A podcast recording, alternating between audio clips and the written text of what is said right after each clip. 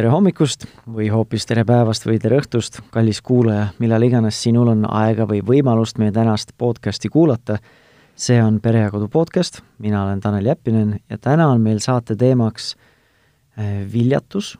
Ja selle siis kontekstis, et kuidas siis, eh, kuidas siis luua peret, kui soov ja motivatsioon on kõrge, aga millegipärast ei õnnestu, et mis need erinevad variandid on ja, ja kuidas seda pere siis luua. Eh, nagu sagedast, sagedasti või mõnikord eh, mina ei ole ka selle teema ekspert, selleks on mul siin stuudios külaliseks eh, Ailen Aluri, teile tere, Ailen! tere! ja Ailen on eh, gümnakoloog nii Confido kliinikus kui ka siis ITK-s ja on tegelenud ka siis selle viljatusraviga. jah. Mis me siis, võib-olla ma alustus, alustaks sellest, et ähm, noh, minul on läinud õnneks, et meil on peres sündinud kaks last me oleme nende üle väga õnnelikud, praegu ei planeeri kolmandat ja, aga meil vähemalt on see nii-öelda ajalugu olemas, et meil on endal see enesekindlus, et meil, me oleme varem olnud viljakad, et ma, mul endal isiklikku kogemust ei ole selle teemaga. küll aga mul on tuttavaid, kes on selle teemaga kokku puutunud vähemal või suuremal määral. ja natukene võib-olla sellist laiemalt, et kui on paar või kui sagedasti juhtub üldse, et on eh, Eestis eh, paar, kes, kellel ei õnnestu siis loomulikul viisil Äh, rasestuda või siis pere luua? no statistika ütleb, et äh, iga viies paar on tegelikult probleemi ees rasestumisega ja, ja vajab mingil määral abi.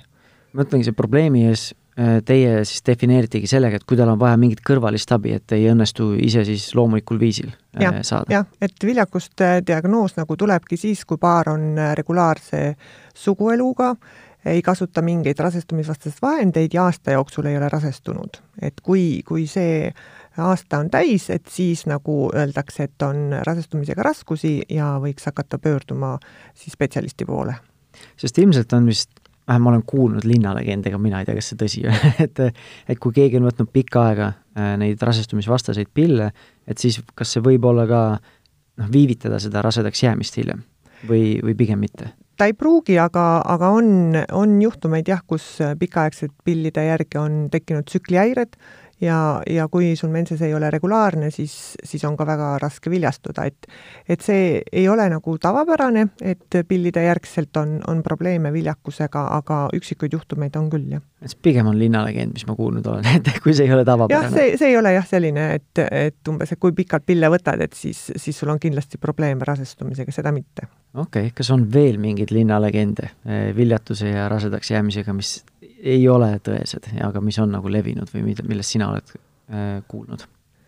ei, praegu küll ei tule niimoodi ette, et mida, mida kindlalt oskaks öelda. saime vähemalt ühest rääkida, sest meil endal mm -hmm. isiklikult tegelikult oligi nii, et kui naine lõpetas selle pillide võtmisega ära mm, -hmm. siis oli mingi mõne kuu pärast oli siis nii-öelda päts ahjus mm. -hmm. et äh, ei läinud nagu kaua aega või pidanud aasta aega ootama. jah, ja väga hästi. aga kui nüüd on siis äh, see noh, nii-öelda saame kategoriseerida, mitte me peame sildistama, aga ongi, et see paar on nüüd proovinud, nad ei kasuta rasestumisvastaseid vahendeid ja on üle aasta läinud, kui neil ei ole see õnnestunud, siis kuidas see statistiliselt äh, äh, nagu jaotub, kui suur osa on sellest äh, või kui sagedasti on meespool rohkem see problemaatiline ja kui suur on siis see, või sagedasti on naispool problemaatiline ja kas see ajas on muutunud? Jaa, ajas ta kindlasti on muutunud, et noh, keskeltläbi öeldakse niimoodi et, et kolmkümmend protsenti mehepoolsed faktorid, kolmkümmend naise ja siis kuskil kolmkümmend võib-olla mõlemapoolset ja kümme protsenti on siis ebaselged, kus nagu mõlemad on terved ja, ja paar ei rasestu. ja kui, kui ajaliselt vaadata, siis tegelikult on märgata ikkagi kergelt meeste patoloogia tõusu, et meeste spermo kvaliteet on halvenenud ja seda mehepoolset viljatust on nagu juurde tulnud.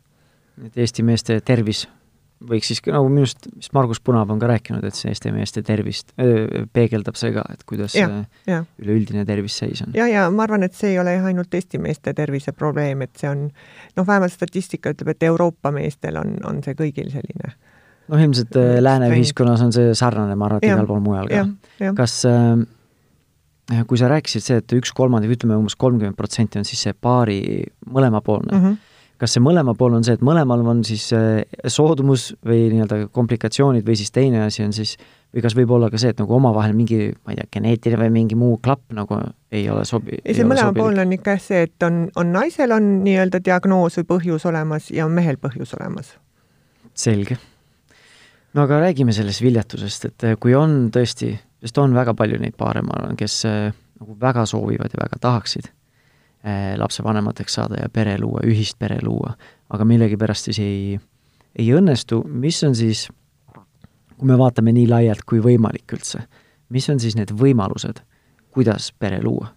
sest kui ma endalt kõrvalt ütlen, noh, üks väga lihtne on siis, et lapsendame, on ju et siis mm -hmm. saame ka pereks, on ju me saame lapse, kuigi ta ei ole siis bioloogiliselt kummagi meie laps ega ka meie mõlema laps, on ju, aga me saame siis pere luua sellisel viisil, see on üks variant. Siis... Mm -hmm. tavaliselt see on jah, ütleme kõige viimane, noh, enamusel on kõige viimane variant on ju, et proovitakse kõik ravivõimalused enne ära. Ja, ja ravivõimalused on erinevad, et naistel on, noh, hakataksegi nagu etapiliselt kontrollima, on ju, et mis vilja, vilja, viljastumisel vajalik on, on ju, et kõigepealt hormoonanalüüsid, et hormoonide tasemed oleks korras, siis on ju, vaadatakse üle ultraheliga, kontrollitakse emakas, munasarjad, et kuidas nende anatoomia on, kas sealt tuleb mingit põhjust, siis munajuhade läbitavus, on ju, et kui on eelnevad infektsioonid olnud, et siis võivad olla munajuhad sulgunud ja et kõik niimoodi samm-sammult kontrollitakse need vajalikud organid ja funktsioonid üle ja, ja kui siis sealt mingis etapis tuleb, et siis kas saab kirurgiliselt seda põhjust likvideerida hormoonraviga või kui siis ütleme, munajuhad on kinni, neid lahti ei saa või on mehepoolselt spermogramm on selline kehva, millega ise viljastumine on väga väikse tõenäosusega, et siis on juba see abistatud nii-öelda kunstlik viljastamine või, või emakasisene inseminatsioon mm. -hmm ma tahan nende variantide juurde tulla, aga üks variant, mida me ei maininud, on ka siis surrogaatemadus ja,. jah, jah, et siis kui, kui on jah, näiteks naisel siis teada emakapoolne põhjus, et tal emakas puudub, tal on äh, kas kaasasündinult emakaplaasia ehk emakas ei olegi arenenud või on siis äh, emakas mingil põhjusel eemaldatud või on emaka õõnesisesed liited, et siis, siis on jah, et naisel ei ole anatoomiliselt võimalik rasedust kanda ja siis tegelikult on variant jah, et surrogaatemadus ehk teine naine kannab siis raseduse, sünnitab ja, ja see laps tuleb siis paarile nii-öelda pärast tagasi. no Eestis see praegu seaduslik ei ole ja meediast on läbi käinud äh, uudised, kus siis Eesti pered või paarid on siis äh, väljaspoolt Eestit otsinud neid surrogaatemasid, on ju. ja, ja noh, see, mis sina rääkisid, on siis meditsiinilised põhjused, miks sinnapoole mm -hmm. minnakse või sinnapoole vaadatakse, noh, meediast oleme kuulnud ka kuulsustest, kus on lihtsalt, ma ei tea, muudel põhjustel, et on ebamugav, on ju. või ongi, peab oma et... kontsertuuri pooleli jätma. jah, et see ongi, et see on see, et kui, kui oled rikas, siis on, on erinevad võimalused, on ju, et aga et see... kui me räägime sellest surrogaatemadusest, siis äh, mina olen täiesti nii-öelda nagu kollanokk, aga ma olen meediast kuulnud neid asju. kas see on, reeglina on siis äh, selle naise enda munarakk ja siis mehe või noh, enda paarilise siis äh, see seemnerakk?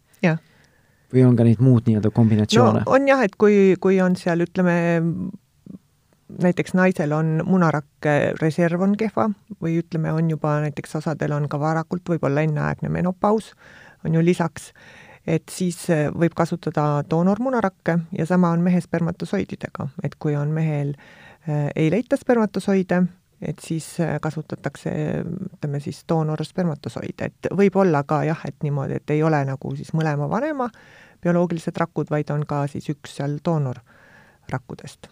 see vist väga sage ei ole, et mõlem, kummagi vanema bioloogilist rakku ei ole? seda jah, üldiselt ei siis ole. siis on juba lapsendamine lihtsam teema. Okei okay et äh, see lapsendamise võimalus on surra-, surrogaatemadus, aga nüüd, kui on ikkagi nagu näha, et on šanss omavahel ka ikkagi see laps saada, mis need siis äh, ravivõimalused on või muud, ma ei tea, siis sekkumisvõimalused, et tõsta seda tõenäosust, et see paar saab ise äh, bioloogiliselt selle lapse? Et noh, ravimitest on siis, üks on munasarjade stimulatsioon, et näiteks, kes seda tihti vajavad, on nii-öelda polütsüstiliste munasarjade sündroomiga naised, et nende põhiprobleem on siis see, et neil ei toimu ovulatsiooni loomulikul teel või võib väga üliharva toimuda. ja, ja siis saab seda ravimitega korrigeerida, neid munasarju stimuleeritakse, mis siis soodustavad munarakkude kasvu ja, ja tänu sellele siis on võimalus rasestuda siis on operatsioon on kindlasti, et näiteks kui on endometrioos, et see on selline Mida haigus, see on siis selline haigus, kus emaka äh, limaskesta sarnane kude on väljaspool emakat, ta kliiniliselt ta väljendub kõige rohkem see, et naistel on nagu menstruatsioonid väga valulikud. Ja need ei ole esimesest hetkest, vaid nad on mingi hetk muutunud, näiteks põhiline on seal peale kahekümnendat, kakskümmend, kolmkümmend hakkab see endometrioos endast märku andma. ja see ka raskendab viljastumist, et, et kuna on leitud, et ta tekitab sellist nii-öelda munarakkudele, seemnerakkudele vaenulikku keskkonda naise kõhuõõnes ja ta tekitab tänu sellele, raskendab viljastumist, ta muudab ka munarakkude kvaliteeti kehvemaks ja ta võib tekitada munasarjade sisse tsüste ja need on sellised spetsiifilised, neid kutsutakse šokolaaditsüstideks. et kui neid avada, siis see on nagu vedelšokolaad, et see on niisugune vana veri ja, ja vaat see endometrioos on ka selline, mis, mis teeb raskemaks ja siis teinekord ongi, et kui ta põhjustab kõhuõndeliiteid, et vahest saab kirurgiliselt need süstid eemaldatud, need liited eemaldatud, siis on võimalik ka ise rasestuda. Või ka näiteks mingi see operatsioon tundub nagu võib-olla kõige tõsisem sekkumine võib-olla, võib-olla ei ole ka, mulle ei, vähemalt ta on tundub. ikka kehavälisest viljastamisest on ikkagi, ütleme, leebem selles mõttes, et et noh, kirurgia on jah, aga ta on, tehakse tänapäeval enamusel saab teha laparoskoopiliselt ehk nii-öelda nende kolme väikse augukesega ja, ja see taastumine on pärast kiire mm. -hmm. ja see munarakkude stimuleerimis on samamoodi, on ta siis nagu operatsioon või ta on väliselt nagu see on tablettidega okei okay. et tavaliselt on nii, et naine tsükli alguses viis päeva võtab siis teatud ravimit ja mis siis paneb äh, need munarakud kasvama, siis seda jälgitakse ultraheliga, et enne ovulatsiooni vaadatakse üle, et kas see doos on piisav, et kas munarakud tekivad. Ja siis ongi, et kas selle järgselt vahest me teeme sellise ühe süsti, mis soodustab siis ovulatsiooni, millega me saame ajastada, et siis me ütleme naisele, et täna teed süsti ja siis teatud aja pärast oled vahekorras, või siis ootab spontaanset äh, ovulatsiooni nii, siis on, kas see on sama, mis homo-, hormoonravi või hormoonravi on jah, see Okei. on, jah, see läheb ka nagu hormoonravi Need on siis eh, naisepoolsed mm. -hmm. nii-öelda sekkumised, on neid sekkumisi, variante veel või ravivõimalusi? noh, siis ongi, et kellel on, ütleme seal emakapoolselt võib-olla kas emakas müoomi, et need on sellised healoomulised kasvajad, või siis emakaõõnes polüüpi, mis on ka selline limaskesta moodustis, et need võivad takistada, et need on samuti, saab kirurgiliselt eemaldada, kui vaja. Et, et naistel põhiliselt ongi jah, et seal ütleme hormoonravi, kirurgiline ravi ja, ja siis, kui need tulemust ei anna, et siis on need abistavad äh, kehavälised meetodid mm. -hmm. Ja. kunstlik viljastamine, see nagu, kas see on siis, saab äh, liigitada, kas ta on äh, meesosapoole või naisosapoole ravi või see on siis nagu mõlemale No ta- paari, paari nagu tegelikult on jah, ravi. et naine ikkagi saab seda ravi, et, Nii. et kuna kunstlik viljastamisel on jah, et, et noh, põhiline põhjus ongi see, et munajahad on kinni või siis on mehepoolne põhjus, et mehel ei ole piisavalt tugevaid spermatosoide, mis viljastaks, oleks suutelised viljastama naise munarakku. aga, aga jah, et kui ka mehepoolne põhjus on, naine võib terve olla, siis tegelikult selle ravikoormuse saab kõik naine enda kaela. Mis see kunstlik viljastamine, mis see endast ette kujutab, ma ei ma ei taha praegu enda ettekujutusi presenteerida, sest äkki see on midagi täiesti mööda. Et eh, mida see tähendab? no see on ka ikkagi, ta kujutab ette endast eh, esialgu munasarjade stimuleerimist, aga et seal on, ütleme, süstidega, et kuna eesmärk on saada rohkem munarakke, et kui me tablettraviga, meil on eesmärk üks-kaks munarakku, siis kunstlikul viljastamisel me tahame ikkagi üle kümne neid saada, et oleks eh, noh, et tulemus oleks parem, et seal, kui saad üks-kaks munarakku, ju, nad kõik ei viljastu alati, nad kõik ei arene normaalselt, et meil oleks nagu noh, kadu on alati, et oleks nagu mida siirdada ja hea on, kui jääb ka natukene järgi, et mida saab siis säilitada ja et ebaõnnestumise korral saab neid kasutada. et ongi, et see algab see, et naine hakkab tsükli alguses tegema süste, siis teda ultraheliga kogu aeg jälgitakse, kuidas need munarakud kasvavad, neid tuleb kasvatada teatud suuruseni ja siis sellele järgneb nii-öelda see munarakkude väljavõtmine ehk punktsioon ja see on sellises kerges narkoosis ja, ja võetakse need munarakud kõik siis eh, tuppe kaudu nagu punkteeritakse, niisuguse pika nõelaga minnakse munasarja sisse, aspireeritakse munarakud välja ja, ja siis antakse embrüoloogide kätte, kes siis viljastavad nad ära. aga on lisaks veel kehaväline, kehasisene viljastamine, mismoodi? jah, kehasisene on põhimõtteliselt, on niisugune nagu abistav meetod, et see on lihtsalt äh, ovulatsiooni ajal mehe sperma äh, puhastatakse, pannakse spetsiaalsesse lahusesse ja viiakse emakõõnde et see on nagu lihtsalt, seda vahel kasutatakse koos siis nii-öelda selle tablettraviga, millega stimuleeritakse munarakke, et lihtsalt see viljastumisele, ütleme, spermatosoidid viia nagu nii-öelda poolele teele, et kui neil on näiteks see liikuvus madalam või ütleme, see kvaliteet on niisugune piiripealne.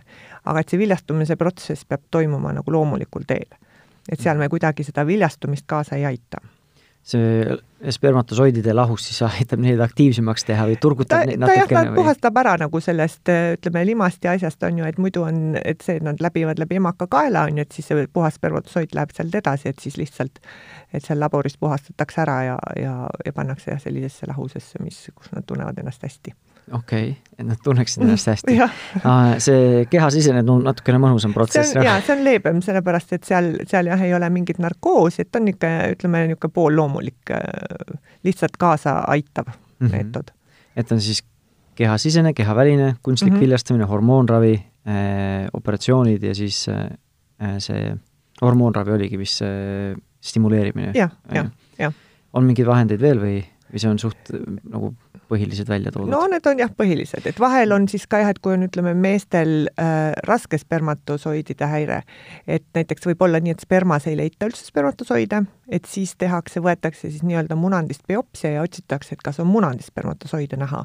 ja kui neid on, et siis munandist võetakse biopsia, mis see Mhm. tähendab? see ei kõla see väga ongi, mõnusalt. jah, munandist võetakse tükk ja siis otsitakse, kas seal munandi koe sees on spermatosoide. kuidas nad sinna muna, munandist, munandist tüki saavad võtta? see on ka narkoosis ja see lõigataksegi lihtsalt tükk välja. Okay. et niisugune väike tükk ja siis otsitakse jah, ja, ja kui sealt siis leitakse neid spermatosoide, et siis neid võetakse sinna kunstlikule viljastamisele, et siis otsitakse sealt koe seest need spermatosoidid välja ja süstitakse siis munaraku sisse, et see on siis nii-öelda X-i variant ehk ongi siis äh, intratsütoplasmaarne insektsioon ehk siis süstitaksegi üks spermatosoid ühe munaraku sisse. see on siis kehaväline Jah. äh, et kehavälisel viljastamisel ongi põhimõtteliselt kaks meetodit, on, on siis üks, kus nad pannakse nii-öelda ühele alusklaasile munarakud ja spermatosoidid ja siis see spermatosoid ise ujub munarakuni ja tungib läbi ta on ikka selline looduslik valik siis, kes jõuab, sinna? jah, just, et kes on tugevam ja kiirem. ja siis teine, kui, kui need spermatosoidid on kehvad, et ei ole lootust, et nad sinna ise ronivad, et siis nad süstitakse, jah, võetakse siis nii-öelda üks spermatosoid siis- ja viiakse konkreetselt läbi munaraku seina sinna munaraku sisse et siis teeb laborant selle loodusliku valiku? jah, jah, jah, ta valib seal ilusama ja kiirema ja li paremini liigutava okei okay., kas meestele tehakse ka hormoonravi või mis Jaa. meeste, meeste nii-öelda Jaa, meest- suunas veel saab teha? ja meestel on, on hormoonravi, siis vahest on, kui on näiteks teada, et on äh, veenilaiendid, munandite veenilaiendid, siis opereeritakse neid ja, ja mis need veenilaiendid siis äh,, kuidas need mõjutavad mehe viljakust? Nad ka seal spermatosoidide ikkagi neid äh, are, arenguhäireid annavad. kas see on millegi poolest on see temperatuuriline ebasobilikum või millest see siis tuleb? seda ma täpselt ei oska öelda. okei okay., no siis ta võib kes tahab, saab guugeldada jah, et et temperatuuri ja võib-olla ka kuidagi ikkagi seda vereringet ja mm. -hmm. mis meestele veel saab teha, kui nendepoolne see mure on? Või on suht piiratud? no infektsiooniravi, et kui leitakse, et palju on tegelikult noh, kõik ütleme, niisugune tänapäevane istuv eluviis, see soodustab mingil määral ka ütleme, eesnäärmepõletikku, see omakorda mõjutab, et, et siis saavad mehed võivad väga pikalt, nendel tavaliselt on see infektsioonravi või põletikuravi üsna pikk. et põletikuravi ja siis antakse juurde vitamiine, niisuguseid antioksüdante, mis tähendab pikk ravi, kui pikk see on, siis on see nädalates, on see kuudes, on see see aastates? kuudes, kuudes võib Okei. olla, jah. Ja kui me vaatame neid kõiki erinevaid äh, neid ravivariante, siis äh, kas on mingeid uuringuid tehtud ka või on sul endal mingid vähemalt suurusjärgu, mis on nende potentsiaal nagu eduprotsent või see on, on ainult individu-, individuaalsest olukorrast sõltub? no kõige rohkem on ikkagi uuritud see kunstliku viljastamise protsendid on ju, sest seal käib ikka väga noh, jälgimine on ju, kõik registreeritakse, vaadatakse, et keskmine niisugune õnnestumise protsent jääb niisugune kolmkümmend viis, nelikümmend. Et see on kunstliku viljastamisel või üleüldse, kui paar tuleb äh, jah, viljatus kunstlik,, viljatus, kunstliku viljastamisel Okei. mm. -hmm. aga kui üleüldse keegi tuleb viljatusravisse paarina, mis iganes see probleem on, mis see suurusjärk on, mille, kellel õnnestub ikkagi saada see laps? seda jah, täpset statistikat ei ole, et siin ei ole neid jah kokku loetud kõik, aga ütleme ikkagi noh, ma julgen arvata, et kolmveerand või isegi rohkem ikka jääb. Et et õnnestub ei ole päris selline nii-öelda mündi viskamine, et kas fifty-fifty, et isegi natuke suurem šanss? ikka, ikka suur osa jääb, et, et on seal ikka mõned protsendid, keda ei õnnestu aidata, aga enamus ikkagi saavad abi. et see võib küll kesta vahest isegi aastaid, ennem kui jõutakse positiivse tulemuseni, aga, aga ütleme, et suurt osa saab ikkagi meditsiin aidata. ja kui suur, ütleme, see nii-öelda mediaankeskmine või kõige sagedasem eh, nii-öelda see õnnestumise aeg, kui suur, kui pikk see aeg on enamasti? No kunstliku viljastamise puhul tavaliselt ütleme, teine-kolmas katse on, kus ikkagi enamus saab sellega positiivse tulemuse. ja neid katseid saab teha kui sagedasti, siis iga päev ei saa ju? ei, ei, no neid on tavaliselt jah, ütleme, et võib-olla kolm korda aastas või et kuna ikkagi taastumise aeg on ka pärast, on ju, et see ei ole jah nii, et täna ebaõnnestus, homme hakkan kohe uuesti stimuleerima neid munasarju, et kuskil kolm-neli korda võib-olla on niisugune kõige, kõige tihedam. et suur osa peredest või paaridest siis aasta jooksul võiks saada? No aasta on hästi lubatud. okei okay,, paari aasta jooksul jah, paari aasta jooksul, et kui on hakanud ikka raviga pihta ja kas need ravi äh, nii-öelda need võimalused või variandid, kas need kuidagi nagu progresseeruvad ka, et alustame näiteks lihtsalt, ma ei tea, nendest samadest vitamiinidest ja muudest asjadest, lõpetades siis selle ilmselt see kehaväline kunstlik viljastamine on see kõige viimane variant. see on viimane. enne et, seda surrogaatsust ja lapsendamist. et noh, see, see sõltub põhjusest, on ju, et kui tuleb tegelikult paar ütleme, mehepoolse viljatusega ja meestearst on juba mingit ravi mehele ette teinud, et siis, siis me tegelikult kohe soovitame kunstlikku viljastamist, sest naisega ei ole seal midagi teha, et et kui on siis paar, kus kas naisel on ovulatsioonihäireid või on, ütleme, ebaselge põhjus, kus nagu on kõik korras, siis me tegelikult alustamegi, et me teeme natuke stimulatsiooni, siis võib-olla proovime seal inseminatsiooni ja kui need tulemust ei anna, et siis on see kunstlik viljastamine ütleme, kui on seal endometrioosi haige, et neid jagatakse ka nagu nelja astmesse, kolmas-neljas aste on siis nagu rasked endometrioosid, et me teame, et ka nendega on kunstliku viljastamise tulemused äh, kehvad, et, et võtab kauem aega, kui ta raseduse saavutab, siis me ka väga seal muid ravisid ei proovi, vaid kohe pigem kunstlikule viljastamisele. Ja hästi oluline on äh, ka paari, ütleme, rohkem naise vanus et kui naine on noor, alla kolmekümne viie, siis, siis on rohkem aega proovida, kui naine on seal, hakkab lähenema neljakümnele, et siis me teame, et peale kolmkümmend viite hakkab oluliselt naise viljakus langema, peale neljakümnendat veel rohkem, et siis see vanus on ka kindlasti, mis, mis sunnib meid näiteks ütleme seal kolmekümne üheksase naise puhul kiiremini toimetama, kui, kui ütleme, kahekümne üheksa aastase naise puhul. Et siis reaalselt võib tegelikult olla ka olukord, kus paar on näiteks varasemalt saanud lapsi ja, ja mingist vanusest siis nagu lihtsalt ei õnnestu, kui nad tahaksid veel ühte last ja, saada. ja selliseid juhtumeid on küll ja küll jah, kus on eelnevalt on, on laps olemas ja mingil põhjusel nüüd uuesti ei õnnestu jääda. vahest on ka, et kaks last on olemas ja on vaja kolmandaga abi ja on ka juhtumeid, kus on kolm last olemas ja neljandaga on, on siis kunstlikku viljastamist tehtud. nii et keegi pole siis kin-, ei saa kindel olla jah, keegi pole kaitstud aga noh, meditsiinis ikka on iga sellise sekkumisega kaasnevad mingid riskid või potentsiaalsed riskid või ohud. Äh, või siis vähemalt kõrvalmõjud. Äh, mis on nende erinevate ravivõimaluste siis kas kõrvalmõjud või riskid, millega siis paar võiks arvestada või võiks vähemalt teadlik olla nendest?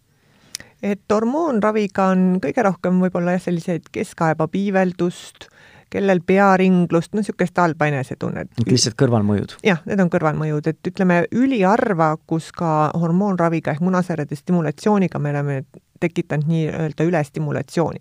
et kus neid munarakke tekib liiga palju, et nagu öelda hüperstimulatsioon ja selle järgselt on siis naisel enesetunne kehvem, et see põhjustab nagu vedeliku kogunemist nii-öelda kolmandasse ruumi, ehk see võib olla kõhuõõnde, pleuraõõnde, et see vedelik nagu tuleb veresoontest välja, tänu sellele on, läheb veri paksuks ja on oht äh, trombitekkeks, kuna veri, veri on nagu paks.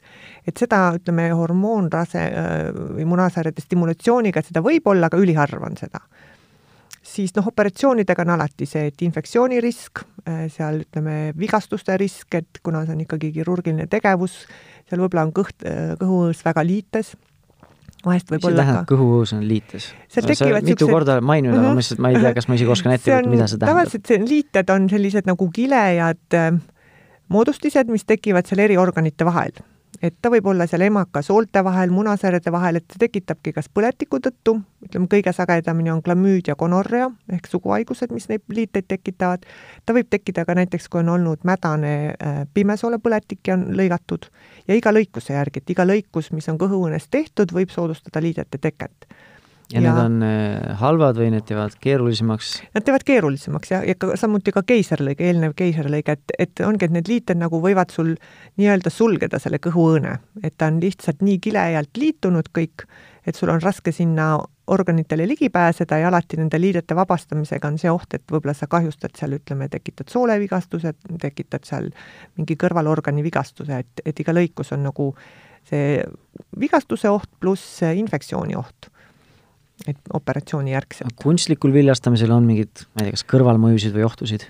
kunstikuviljastamisel kõige suurem oht on ka see hüperstimulatsioon, mis ma ütlesin, et võib-olla selle, väga harva on siis selle munasarjade stimulatsiooniga tablettide stimulatsiooni järgset, aga üsna sage, või noh, mitte üsna sage, aga, aga väga suur risk on siis äh, kunstliku viljastamisel, et just see, et kuna need ravimid on doosides palju suuremad, ja, ja seal on ka oma riskifaktorid, ütlen, et me teame, et polütsüstiliste munasarjadega naised on, on üks suurim risk et ne-, nemad reageerivad väga tugevalt nendele ravimitele ja, ja nendel tekib kergesti. ja, ja samuti on, kui, kui me saame raseduse, et põhimõtteliselt see hüperstimulatsioon tekibki siis, kui me saame väga palju munarakke. et tavaliselt niimoodi öeldakse, et üle kahekümne viie äh, munarakku, mis me punktsioonil saame, et siis on hüperstimulatsiooni risk kõrge et, et see ongi, et me tahame niisuguse optimaalselt niisugune, ütleme, üle kümne munaraku, aga alla kahekümne, et see oleks nagu hea ja äh, ütleme, madalama riskiga et see hüperstimulatsioon, et see võib jah, et see võib tihti, naine võib sattuda selle järgi haiglasse, et tal see kõht paisub väga palju, sest seal on liitrites vedelikku, vahel on vaja siis seda vedelikku välja lasta, et pannakse kõhtu treen, et sealt see vesi välja tuleb, sest et tal on muidu, ta ei saa pikali olla, ta ei saa, tal on raske hingata, et nad istuvadki sundasendis, on ju, isegi magab poolistuli, sest nii kui ta pikali heidab, on, on seal hakkab nagu hinge matma et nad ei saa pikka maad kõndida, et see hüperstimulatsioon on jah, niisugune, millega nagu tegeletakse, sellega on leitud noh, palju erinevaid siis nii-öelda vahendeid, et kuidas seda vältida, kui me näeme ikkagi, et neid munarakke palju tuleb. ja, ja siis kindlasti on kuna see, et kuna me punkteerime nii-öelda ikkagi ultraheli kontrolli all, aga me läheme terava nõelaga väikevaagnasse, on ju, munasarja, siis on risk ikkagi, et kuna sooled on seal kõrval, et me võime kõrvalorganeid kahjustada ja, ja tänu, võib ka infektsioon sinna levida, et, et need on ka nagu selle kunstliku viljastamise sellised riskifaktorid. Neid on mm. õnneks harva, et seda hüperstimulatsiooni on ka seal, ütleme, rasket hüperstimulatsiooni võib-olla kuskil viiel protsendil, aga, aga noh, nad ei ole olematud. Äh, kas või, noh, ma ei taha nagu üldistada, aga kas võib öelda, see, mis mina vähemalt kuulsin, mis ettekujutus mulle mm. tekkis, et kui on kunstlik viljastamine olnud või seda ravi saanud, et kas äh, on neil siis kõrgem äh, risk ka raseduskomplikatsioonideks või, või see on pigem selline üldistus, mida ei saa teha? ei, ei ole, noh, on leitud, et seal mõningalt võib-olla nii-öelda preeklampse riski võib tõsta, ehk see on siis nii-öelda nagu öeldakse, et hilisraseduse toksikoos ehk kus naisel hakkab siis vererõhk tõusma, hakkab, eh, valk hakkab uriini tulema, et neerud lasevad valku läbi, et see on selline ütleme, ohtlik situatsioon, kus siis eh, ütleme, kui need näitajad on väga kõrged, on vaja kiiresti rasedus lõpetada. ja see jälle tingib omakorda, on ju, võib tingida enneaegsust, keisrilõiget, sest et eh, kui on enneaegne, siis on kiired, näitajad on kehvad, naine on halvas seisundis, et siis ei ole aega nii-öelda hakata nagu sünnitust loomulikul teel esile kutsuda, vaid on vaja kohe kiirelt lõpetada. et natukene on jah, et see Äh, keisrite arvu kindlasti see kunstlik viljastamine on tõstnud, siis on see, et on kaksikuid, ikkagi noh, mis ei ole hea näitaja, et kuna kui ütleme, on mitu katset naisel tehtud, siis on ikkagi see, et pannakse rohkem kui üks viljastatud embrüo emakaõõnde, mis tähendab, et võivad, kui nad mõlemad viljastuvad, siis tekivad seal kaksikud või ka kolmikud, mida see iseenesest ei pruugi olla halbu, halb asi ju, või? jah, ta ei pruugi, aga noh, kaksikrasedus on alati naise organismile raskem ja, ja ütleme, preeklampset on rohkem, enneaegsust on rohkem, mis viib nagu ütleme, hilisprobleemidele mm. -hmm. et algul on nagu suur rõõm, et oh, nüüd tulid kaks, aga siis noh, see rasedus ei kulge pro nii probleemideta kulgeda. okei okay., kas äh on enneaegsed või nii-öelda varajaste raseduse katkemist ka sagedamini kui nii-öelda loomulikul viisil viljastatud, viljastunud raseduse puhul või ei ole?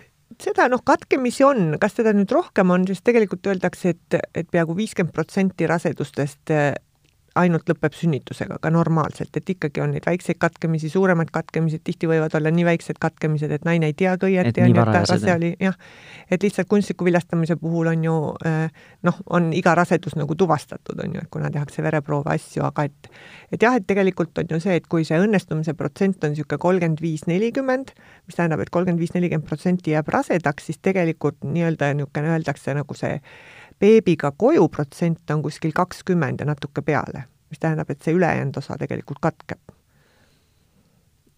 peaaegu siis pooled, jah? jah, noh, natuke alla poole jah, aga et kuskil jah, niimoodi jah mm, -hmm. jah ja me praeguseni oleme rääkinud siis, no kui me jätame selle lapsendamise ja surrogaatemaduse praegu kõrvale, nendest äh, ravivariantidest me oleme rääkinud rohkem just nendest meditsiinilistest sekkumistest, mis me siis nagu, nagu füüsilise kehaga teeme aga samas, nii palju kui mina olen nagu siin-seal kuulnud ja meediast olen ka on ka nagu silma jäänud, siis kogu selle protsessiga tuleb päris palju selliseid nagu mentaalseid protsesse või mentaalseid pingeid ja stressi kaasa.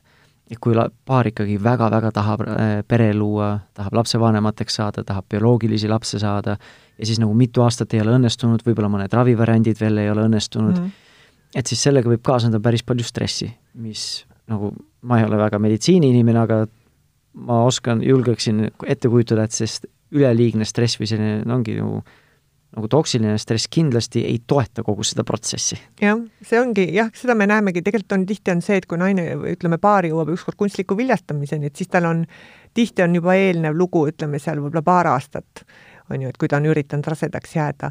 ja, ja siis, kui esimene kord ei õnnestu, et need ootused on hästi kõrged, hästi pandud, et noh, nüüd teeme ja et kohe jään ja siis, kui nagu tuleb see negatiivne vastus, et ei õnnestunud, siis on, siis on jah, hästi palju stressi, et kes siis üldse on ju loobub, kes võtab pikema aja maha, et on ka, ütleme, paneb tegelikult väga tugevalt äh, proovile ka paarisuhte, et, et on küll ja küll ka neid, kus see paar läheb lahku, on ju, enne, ütleme, et kuna see protsess kõik on, on noh, mõlemile kurnav et, et see paneb kõvasti jah, ja, ja see stress omakorda ütleme, viib nagu noh, negatiivsele tulemusele, et et niisugune nagu suletud nõiaring. aga kui palju sinna protsessi on kaasatud eh, psühholoogilist abi või tuge? no tegelikult praegu on jah niimoodi, et ega eh, noh, niisugust nagu kohustuslikku psühholoogi ei ole, et see on see, et kas kliinikud on omale saanud psühholoogi ja saavad pakkuda seda või siis otsib paar ise, aga jah, et meil nagu näiteks osades, noh, Soomes on ka, on see psühholoogiline või psühholoogia pool nagu üsnagi tugevalt liitunud viljatusravikliinikutega, et meil, meil sellist asja väga ei ole, jah. aga mida sa soovitad paaridele, kes nagu ei ole, kellel ei ole õnnestunud eh, loomulikul viisil eh, rasestuda eh, ja nad nüüd otsivad abi erinevatest variantidest või kliinikutest ja erinevas, erineva ravi, ravivõimalusi, erinevaid ravivõimalusi, et mis sa soovitad nendele just selle psühholoogilise poole pealt ja selle pingete ja stressi poole pealt või paarisuhte poole pealt, et kuidas kogu seda protsessi toetada, et esiteks neil endal oleks mõnusam, aga teiseks ka, et see tõstaks võib-olla isegi, kui mitte väga palju, siis natukenegi seda õnnestumise protsenti. Et kui ikkagi noh, ütleme, on tund-, noh, paar ise tunneb või ütleme, et tegelikult teine pool näeb, et, et võiks et eh, noh, tihti on see, et vaat kui nad tulevad arstikabinetti, me oleme suht lühikest aega, et me ei saa aru, milline pinget seal taga on. et, et eh, näeb nagu ütleme, näevad ju tegelikult su perekonnaliikmed, on ju su, su kaaslane, et, et võiks muidugi soovitada et noh, kui meie, me vahest näeme ka, et siis me ikkagi soovitame, aga, aga tihti on jah see, et selle kakskümmend, kolmkümmend minutit, mis sul nagu aega on, et, et sa ei noh, arstina sa ei näe seda, et, et seal on mingisugune äh, ütleme, niisugune emotsionaalne stress äh, väga taga et toetada ennast näiteks tavalise baariteraapiana vormis? jah, baariteraapiana või siis äh, ütleme ka, võib käia lihtsalt psühholoogi juures naine üksinda. individuaalselt ja,? jah, jah, jah. kas on üldse Eestis selliseid spetsialiste, kes äh, psühholoogide näol just, kes keskenduvadki just sellele, et toetada äh, viljatusravil olevaid patsiente, mitte ainult sellele, aga, aga see on nagu mingil määral nende no, selline spetsialiteet. on, et noh, nad jah, et kas ütleme, et paljudel on nii, et naistekliinikutes tegelikult on ikkagi oma psühholoog, kes siis tegeleb, on ju, nii, nii rasedatega, viljatus, viljatus, viljatute paaridega ja sünnitusjärgselt, et ikkagi hakkavad need suurtes sünnitusmajades on küll nagu see oma psühholoog, kes, kes siis võtab äh, just neid naisi vastu mm. -hmm see on minu jaoks on nagu täiesti võõras teema ja uus teema, aga mul vähemalt on väga põnev sinuga lobiseda ja rääkida, mis kõik võimalused on olemas.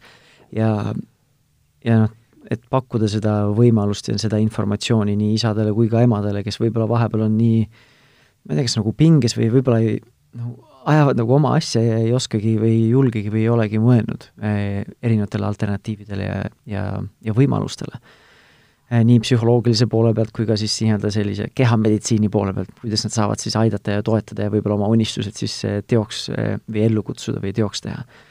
Mm, kui kellelgi on nüüd see huvi selle vastu, mis, millised asutused või institutsioonid siis Eestis üldse pakuvad viljatusravi ja toetust selles, selles valdkonnas?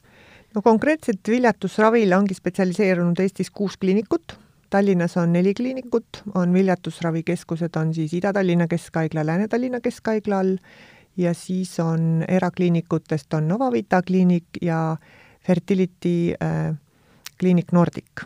mis asuvad Tallinnas ja Tartus on siis Tartu Ülikooli Kliinikumi naistekliiniku all on viljatusraviosakond ja on Elite kliinik, mis on erakliinik. ehk siis ainult siis kahes keskuses on praegu need ja. võimalused? jah, kui me oleme nüüd rääkinud siit-sealt, alustasime nüüd küll äh, lapsendamise võimalusest, surrogaatemadusest, siis rääkisime erinevatest ravivõimalustest, küll operatsioonidest, hormoonravist, kunstlikust viljastamisest, nii mõlemapoolselt, nii mehe kui naise poole pealt, natuke rääkisime ohtudest, riskidest, kõrvaltoimetest.